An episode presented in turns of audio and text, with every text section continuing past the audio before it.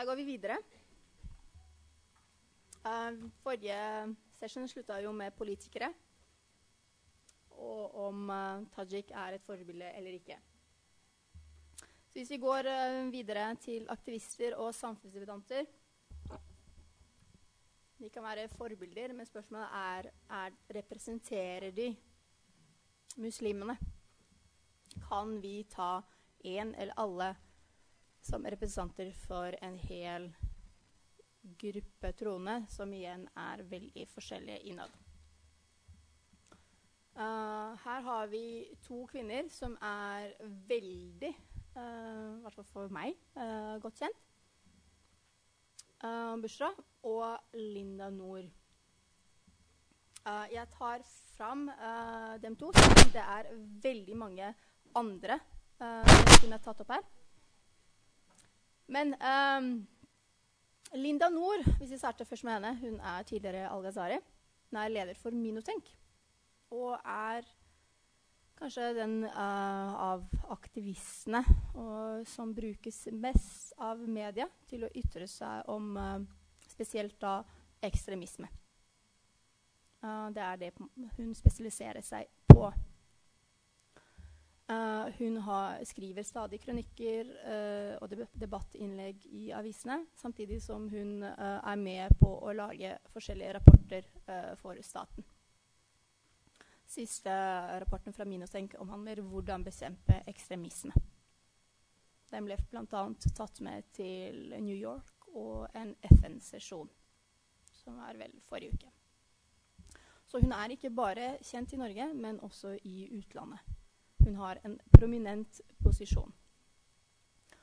Og hun blant annet, uh, Hun definerer seg selv bl.a. som en muslimsk feminist. Uh, Bushra uh, gjør akkurat det samme. Hun definerer seg som en muslimsk feminist. Og begge to ligger i islam som religion og det norske samfunnet uh, som grunner til at de er muslimske feminister. Så de får både påfyll fra religion, men også det norske samfunnet til å være muslimske feminister. Um, jeg har tidligere nevnt at Busha er med uh, også her fordi hun uh, i flere kronikker uh, påpeker at i Norge så bør vi ha imamer som er utdanna ved vestlige institusjoner, og som har akademisk bakgrunn. Jeg vet, kjenner jo ikke til utdannelsessystemet til de forskjellige imaminstitusjonene, men ut ifra når jeg leser henne, så uh, mener hun at uh, veldig mange imamer i Norge er, har ikke akademisk utdannelse. Noe som kan være utfordrende i en norsk kontekst. Hun trekker bl.a. Sinaid Kobilite, som jeg nevnte tidligere, som en akademisk imam som kan være forbilde. Ja. Mm.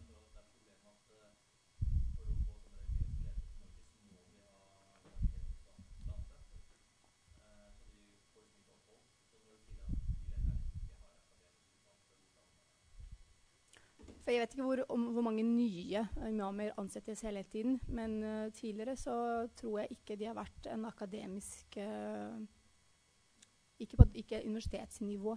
De kan gå på seminar, seminaries og sånne ting. Men det hun etterkrever, er akademikere. F.eks. Faruk Terzic, som er hovedimamen i Oslo for det bosniske museum, han har doktorgrad.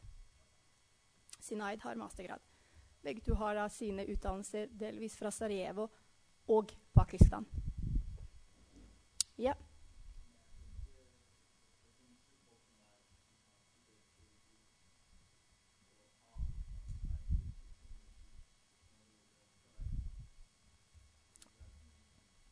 Ja, for det, det, er også det at imam i seg selv som en tittel krever ikke akademisk uh, utdannelse. I hvert fall ikke til vanlig. I Bosnia så kreves det. Du kan ikke være imam hvis du ikke har universitetsutdannelse. Nå gjør det det kanskje. Mm. Men. Ja. Da, for man var jo på en måte i kasten også.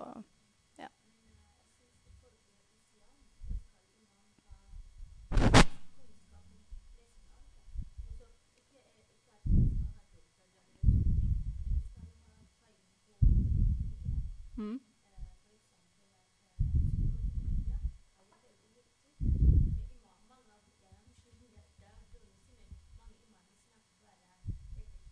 Mm. Ja. Dette nevnes jo også i den uh, islamske, eller religiøse lederboka, at språk uh, er en utfordring. Det har også vært tidligere selvfølgelig nevnt i media. Så et krav om akademisk utdannelse som gjør dem skikket til å fungere i det moderne norske samfunn, hvor det er mange forskjellige trossamfunn.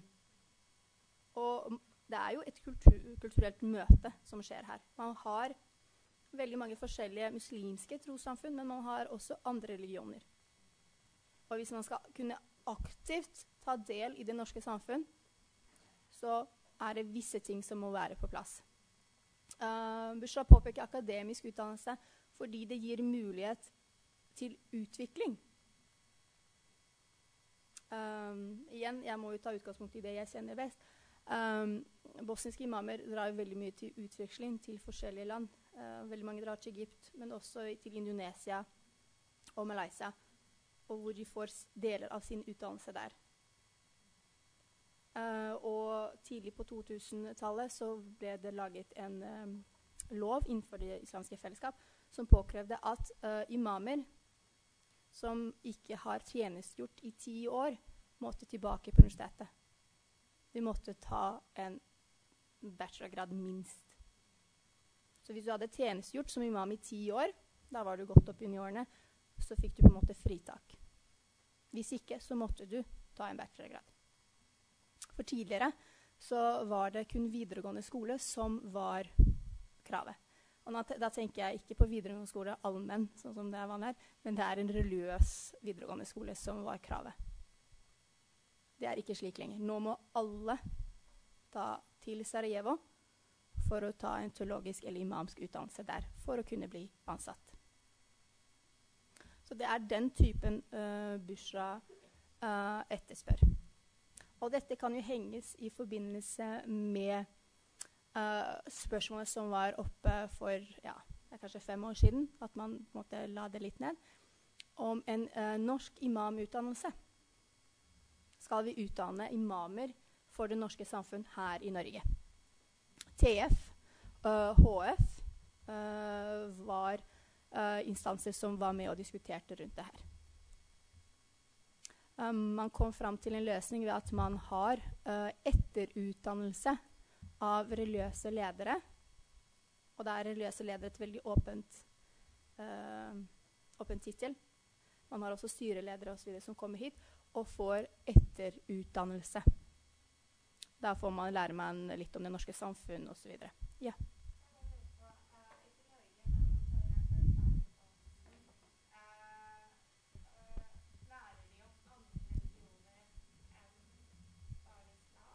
Sånn komparativt, tenker du? Ja, sånn for eksempel at de fleste lærer jo i Norge da, lærer jo om islam også. Litt, liksom. Altså grunnleggende. da. Ja. Uh, så jeg bare lurer på om de lærer om I forhold til det å samarbeide, da. Mm. Fordi altså, skal man på en måte snakke sammen og kommunisere hvis man ikke forstår den andre, da. Det blir veldig vanskelig å forstå Altså det burde være religionsfrihet på en måte. Ja.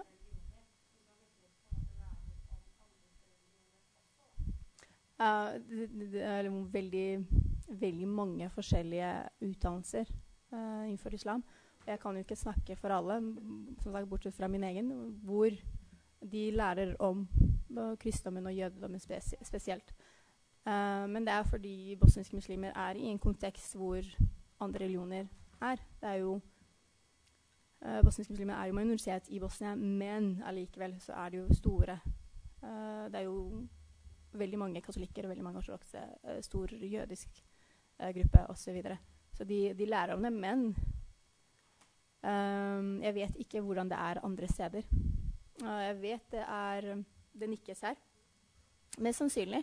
Um, jeg vet at det organiseres veldig mange um, seminarer mellom unge teologer i Bosnia fra forskjellige uh, grupper, hvor de reiser sammen for å, på en måte, å ta den tidlige brobyggingslinjen videre.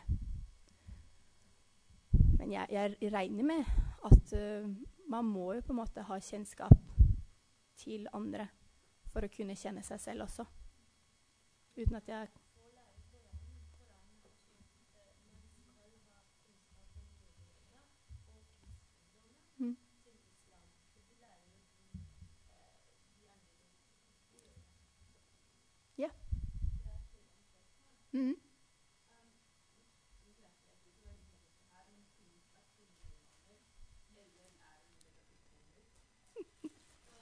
Uh, svaret er ja på begge to. Ja. ja. Uh, det er en egen forelesning, så vi tar ikke Det skal vi fikse. Vi skal absolutt gå inn i det.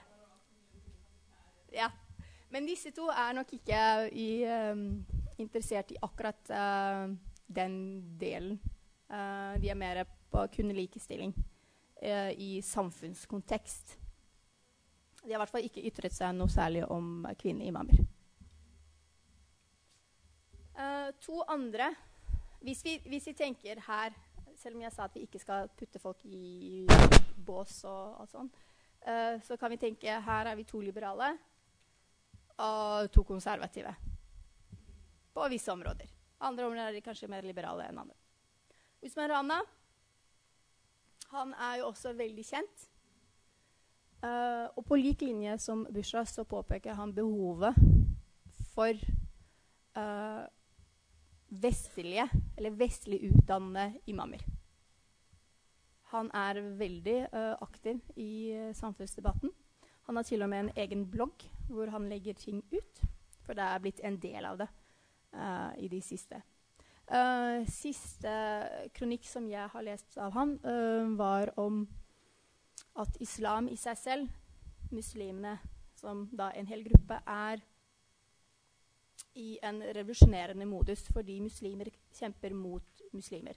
'Islamsk hus står i brann', tror jeg det var uh, tittelen. Hvor han påpeker på alle disse motsetningene og alle kristne som jobber på en måte uh, Og alle påkrever islam som sitt eget. Og det viser jo på en måte at det er forskjellige grupperinger igjen. Om han er en talsmann for alle muslimene, man kan jo stille seg spørsmålet. Fahad han er, uh, tror fortsatt leder av Islamnett, som er For et par år siden så var det en veldig sterk uh, ungdomsorganisasjon. Jeg vet ikke hvor, hvor, sterke de er nå. Uh, men det er uh, mer en uh, vekkelsestendens. de, Islamnet har veldig mange møter Uh, hvor de uh, preker om islam. Uh, og de driver aktivt med misjonering.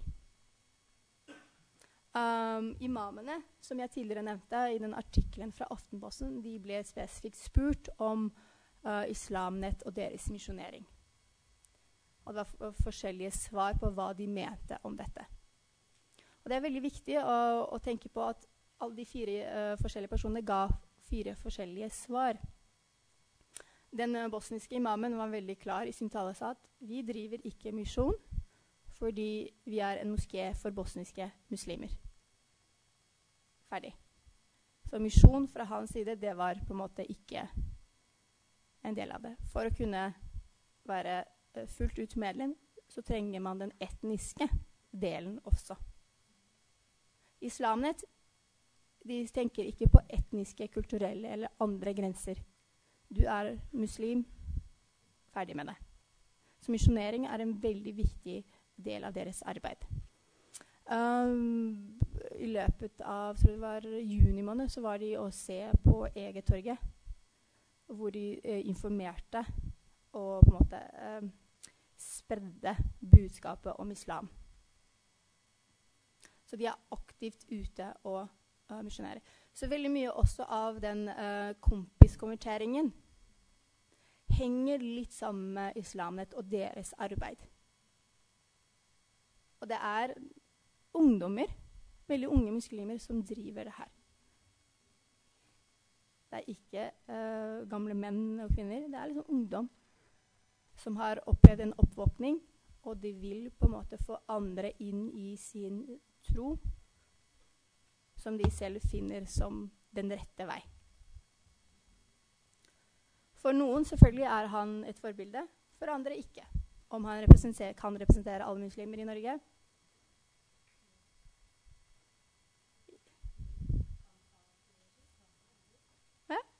Noen sier ja, alle sier nei. Ja.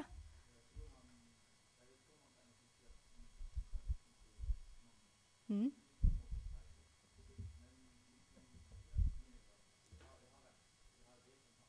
Mm.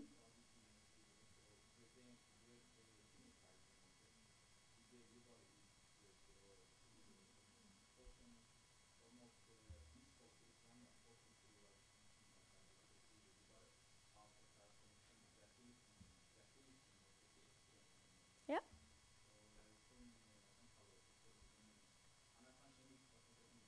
Ja, viktig person fordi, som du sier, det er veldig viktig skille uh, å på en måte være ekstrem i at man krever et eller annet i forhold til å dele ut informasjon. Det er jo ingen tvangskonvertering. De deler ut informasjon. Hvis du tar imot pamfletten og leser den, er det ditt valg. Men de er der, og de er synlige. Ja.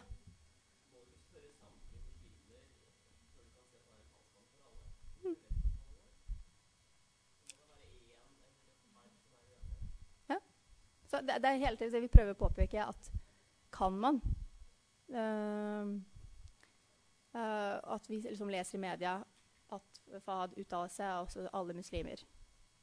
Eller at Aftenposten skriver 'alle muslimer'. Det har Fahad sagt. Tanken her er at vi skal hele tida være kritiske til hva vi leser, hvordan ting skrives, hva er hensikten, hvem har sagt det, hvorfor har de sagt det. Den kritiske lesningen. Agnete, hadde du noe?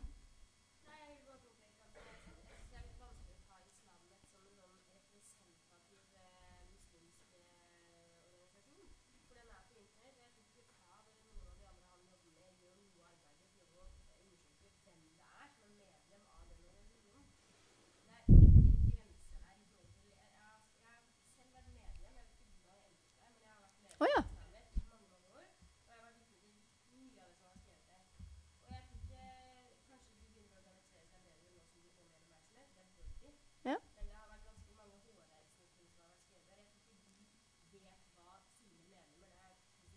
Mm.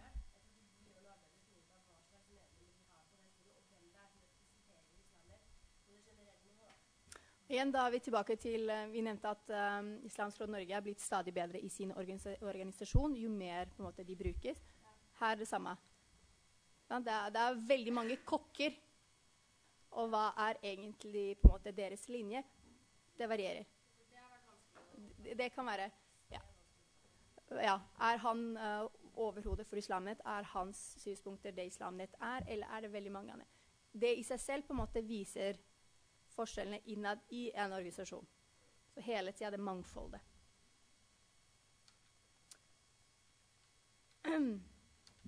Og selvfølgelig um, Shia-sunni-konflikter. Det er en sånn hett, uh, het tema.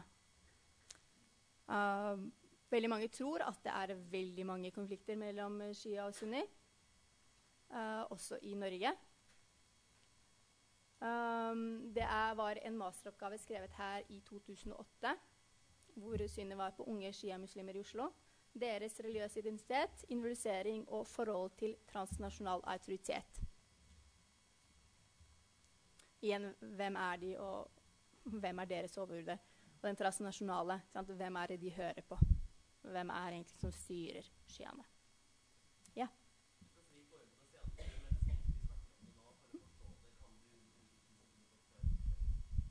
Forskjellen? Tenker du teologiske forskjellen, eller? Eh, I bunn og grunn så stammer uh, skillet, skismaet, uh, på bakgrunn i hvem skal lede muslimene etter profetens død. Uh, en valgt leder eller en av Mohammeds uh, ett familie. Shia-gruppene er de som er, tilhører Alis parti, de som mener at det bør være en av Mohammeds familie. Uh, men sunniene de er de som måtte, har den valgte lederen. Og det er der det starter. Og så har det gjennom, liksom, gjennom historie har det blitt forskjellig Så har grenene utviklet seg annerledes når det gjelder teologi på visse områder. Men det er ikke den der. Det er mange møtepunkter også. Så det er ikke to forskjellige religioner. Det er ikke en fullt skisma som man på en måte får det til å virke som. Agneta?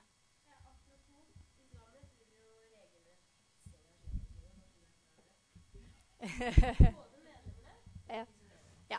Det er ja, når vi først er inne. Uh, ja, det er visse uh, vekkelsesgrupper. Det er også en um, Akkurat den der Shia-Sunni-konflikten det har også gått i sånn bølge sånn historisk. Noen ganger er det greit, andre ganger er det topper også.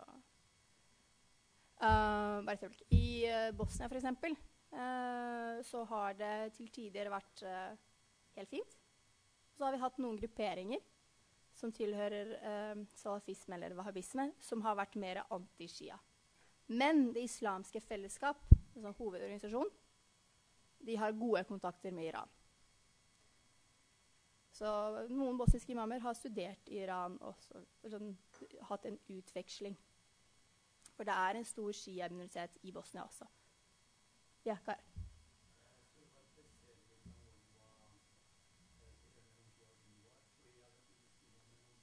Ja?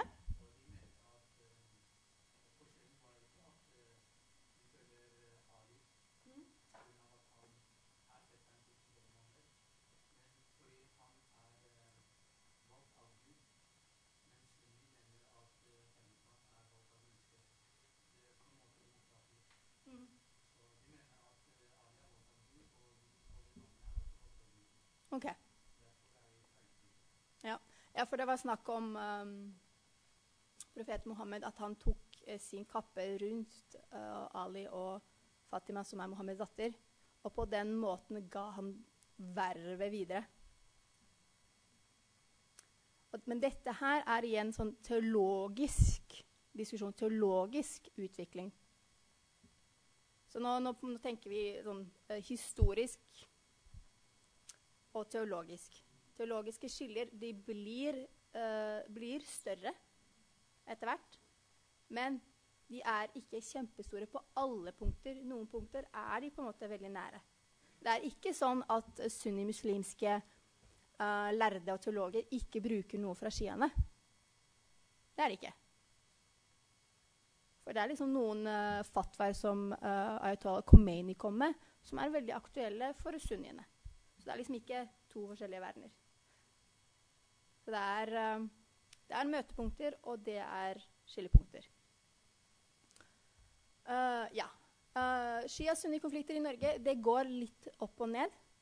Uh, men to personer som dere sikkert kjenner, Faten er shia, og Yusuf er sunni. Um, de har uh, sammen uh, dannet en gruppe som heter Just Unity. Uh, og de er også sammen i kampen mot ekstremisme. Faten kjenner dere fra eller, demonstrasjonen i fjor foran Stortinget. og det var mot oh, Hva heter det igjen? ISIL og profetens Umma. Ja, hvor hun kalte dem djevelenes etterfølgere, eller noe i den duren. I hvert fall, uh, hun er en, måte, en person som står sterkt innenfor miljøet som er anti-ekstremisme. Uh, sammen med Yusuf, som selv påpeker at han er tidligere ekstremist, jobber de nå ved at de går inn i skolene og holder foredrag og på en måte prøver å aktivisere uh, elever til å snakke om hva ekstremisme er, og hva det leder til, og, og ser også på hvordan det begrunnes. Så de prøver på en måte å dekonstruere mulighetene for å bli ekstremist. Sorry. Videre. Akademikere. Det som er min gren av, uh, av dette uh, treet. Um, to eller tre navn i uh, Norge er Lene Larsen, Nora Eggen og Anne Sofie Roald. Um, alle tre er konvertitter. de konverterte på forskjellige tidspunkt. Men de står sterkt innenfor uh, det akademiske miljøet når det gjelder islamstudier. Lene Larsen hun har jobbet med uh, fatwa, fatwaer innenfor den europeiske konteksten og deres innvirkning på kvinnens situasjon. Hun er nå uh, ansatt ved Senter for menneskerettigheter på juridisk fakultet.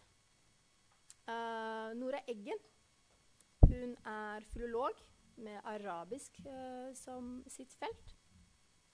Og hun er nå postdok på HF innenfor islamstudier. Det er ikke så veldig mange uh, muslimske høyt profilerte akademikere i Norge. Uh, men disse to, selv om de ikke ytrer seg så veldig mye i media, så er de på en måte med å forme uh, hva slags muligheter muslimer har i Norge. Um, siste gang jeg leste Nora Eggen, var i Vårt Land, hvor hun kommenterte um, I Østerrike så har de bestemt seg å lage en oversettelse av Koran som skal være fast, eller det var diskusjon rundt det, på tysk. Og det er den man skulle bruke. Alle gruppene uh, av muslimer i Østerrike skulle bruke den samme oversettelsen. Og uh, Noregen som filolog uh, i arabisk og som uh, korankjenner hadde påpekt hvorfor det ikke kanskje var en bra løsning. At man burde heller lete etter andre mulige løsninger. Man kunne ikke ta fra muslimene deres liturgiske språk. For det ville være en krenkelse. I den katolske kirken så er det liturgiske språket veldig ofte latin. I de, de ortodokse kan det være gresk. Hvis jødene er det hebraisk. Så det liturgiske språket, det må vedvære. Og det å oversette Koranen, det er ikke, det er ikke så enkelt som man ville tro. Og det å påtvinge én oversettelse på alle er ikke innenfor rammen av religionsfrihet. Ja.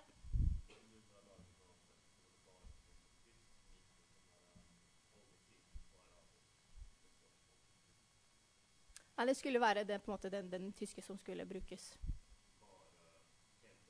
Jeg tror ikke de nevnte layouten noe særlig, men poenget var at for man skal uh, forstå Den vanlige tyskeren skulle kunne forstå uh, språket i gudstjenestene. Fordi uh, etter Luther så ble jo Bibelen for eksempel, oversatt til tysk. Så der innenfor protestantiske og lutherske kirker er på en måte nasjonale språket, det språket som man bruker i liturgien. Og alle kan forstå. Det har vært oppe til diskusjon i Norge også at bønnen skulle føres på norsk, sånn at enhver kunne forstå hva som ble sagt.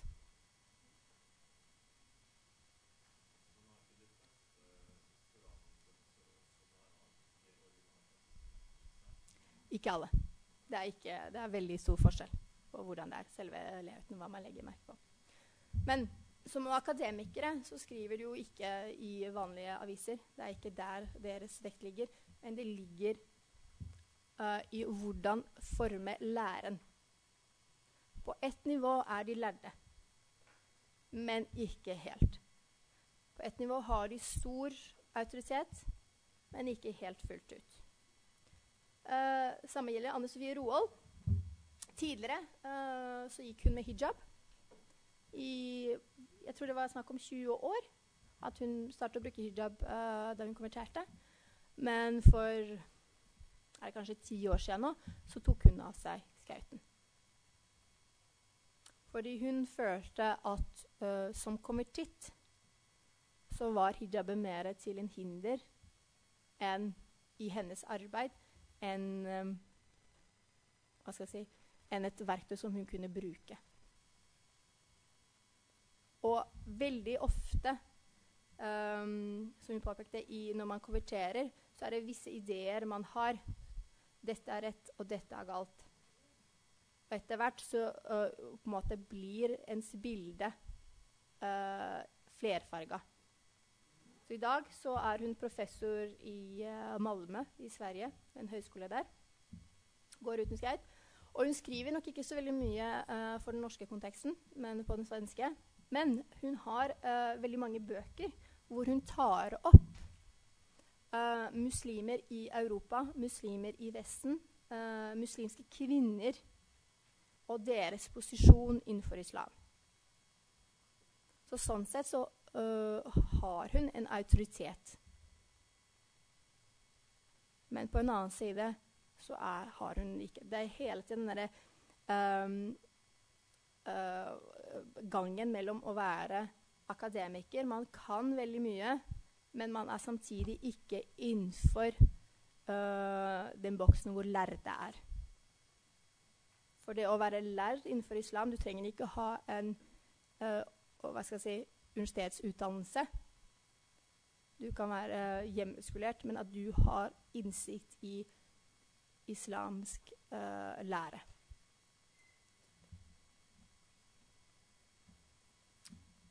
To lærde jeg har uh, tenkt å nevne, som kan ha påvirkning på norske muslimer, og på den måten kan på en eller annen måte uh, være ikke bare forbilder, men også representanter, er dr. Kadris og Al-Kadrawi.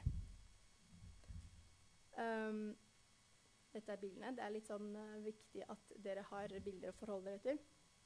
Al-Qudris er uh, utdannet i Pakistan som uh, jurist og satt, var veldig lenge professor.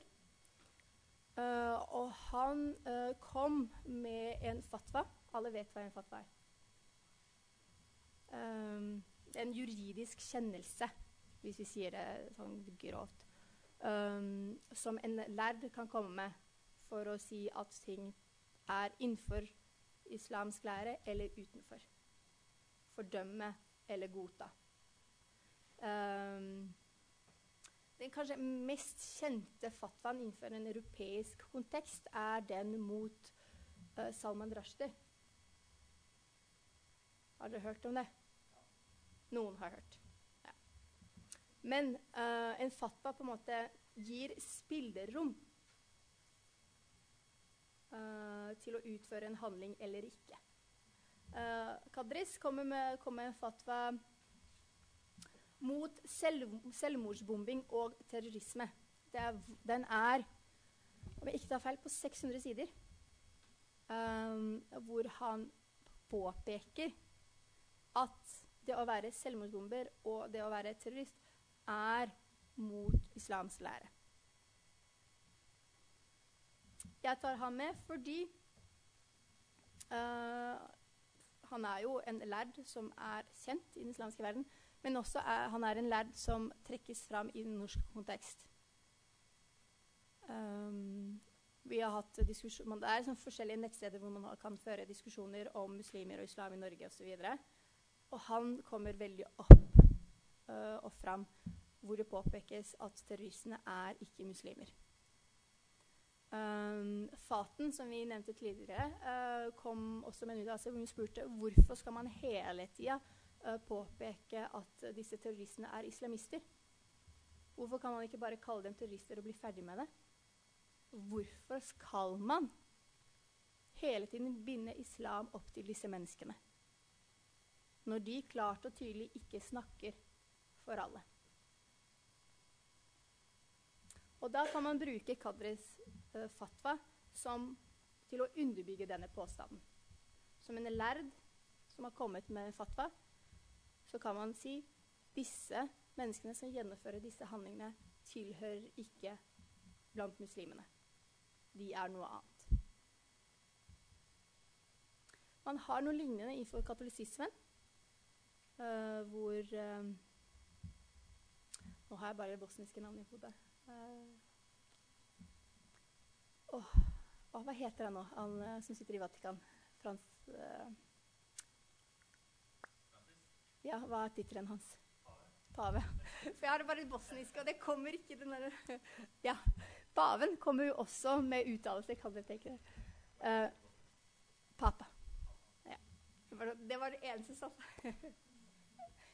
Og når han kommer med um, paper bulletins, så er det en lov som følges.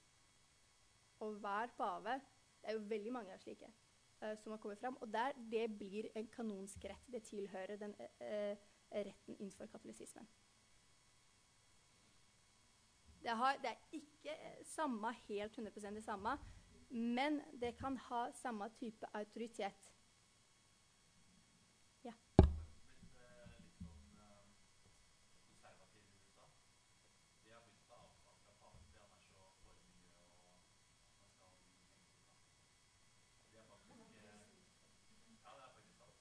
Jeg trodde homofilispørsmålet ville være mer. Ja, mm. ja. ja.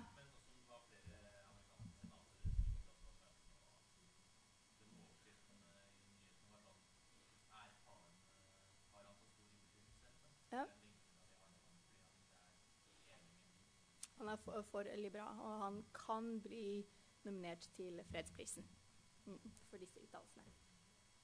Uh, En annen uh, kjempekjent lærer er Al-Qadrawi, og han er leder for European Council for Fatwa and Research. Og Det er jo uh, en organisasjon hvor det er forskjellige lærere fra forskjellige land som sitter sammen, og han er deres leder. Så han, på en måte han er styreleder for dette rådet. Uh, og han har vært en anerkjent lærer i veldig, veldig mange år. over hele verden der på en måte er ikke så store etniske og geografiske skillinger. Veldig mange ser opp til han. Han defineres uh, som moderat på visse områder, men konservativ på andre. Og begge de har jo en akademisk, uh, et akademisk bakgrunn. Han er fra Al-Hazra i Egypt, som er en av de mest anerkjente universitetene innenfor sunni-islam. Så han har på en måte den akademiske linja også klar. Og disse to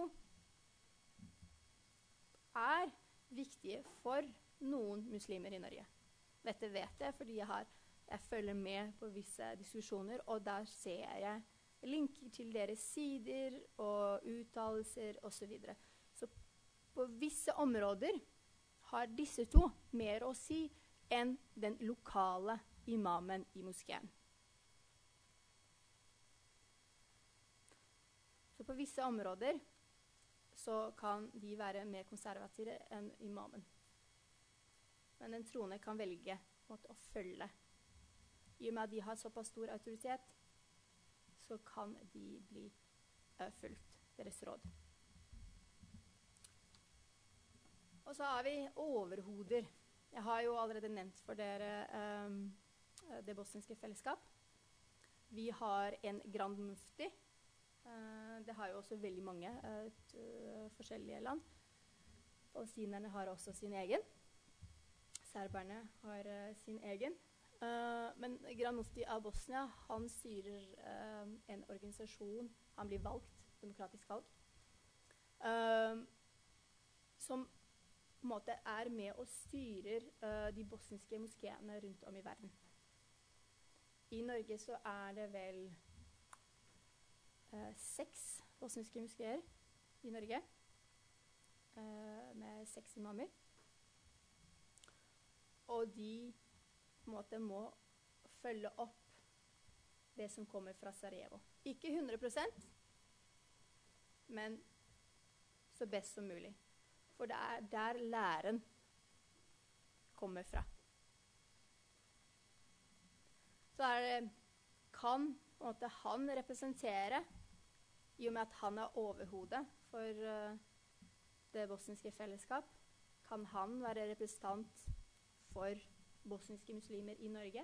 Det han sier, kan det norske media ta utgangspunkt i å si bosniske muslimer mener dette. Han er jo valgt, på en måte, til denne stillingen. Og imamene følger opp det som kommer fram. Nei. Vil det være feil å påpeke at bosniske muslimer slik og slik fordi Grand Muftien av Bosnia sier det? Det er sånne spørsmål. Jeg selv tilhører jo bosniske muslimer, men jeg er ikke medlem av noen organisasjon. Jeg leser jo alt han sier, og så vurderer jeg det. Vi kan lese i uh, religiøse ledere-boka um, at imamene påpeker at de får impulser hjemmefra som de ikke helt og holdent kan følge ut her. Også de får utfordringer i Norge som de ikke kan få svar i i hjemlandet, fordi konteksten er annerledes. Så hele tida må man kontekstualisere. Man må se på islam og muslimer i den konteksten de er, og så finne de best mulige løsningene.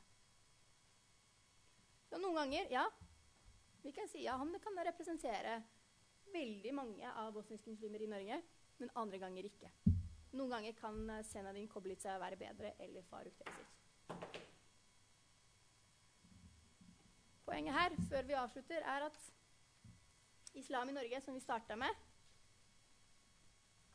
det er veldig mangfoldig. Som det ble påpekt, alle andre religioner. Et stort mangfold. Og at vi har tall å operere med at det er så og så mange tusen medlemmer i de og de organisasjonene, så forteller det oss ikke alt om muslimer i Norge. Så hele tida må vi ha den der kritiske uh, tanken. Hvem er det snak som snakker? Hvorfor snakker de? Hva er hensikten? Hva ligger bak? Ok, Noen spørsmål? Ja? Mm.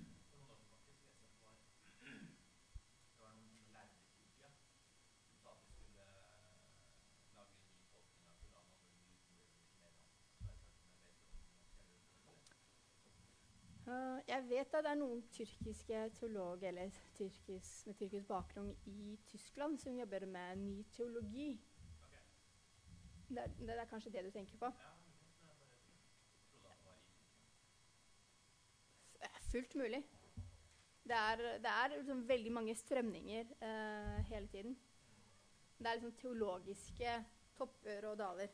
Hva som er uh, på en måte populært, og hva som ikke er det. Absolutt. Uh, neste gang så skal vi se mer på um, dialog og konflikt, rett og slett.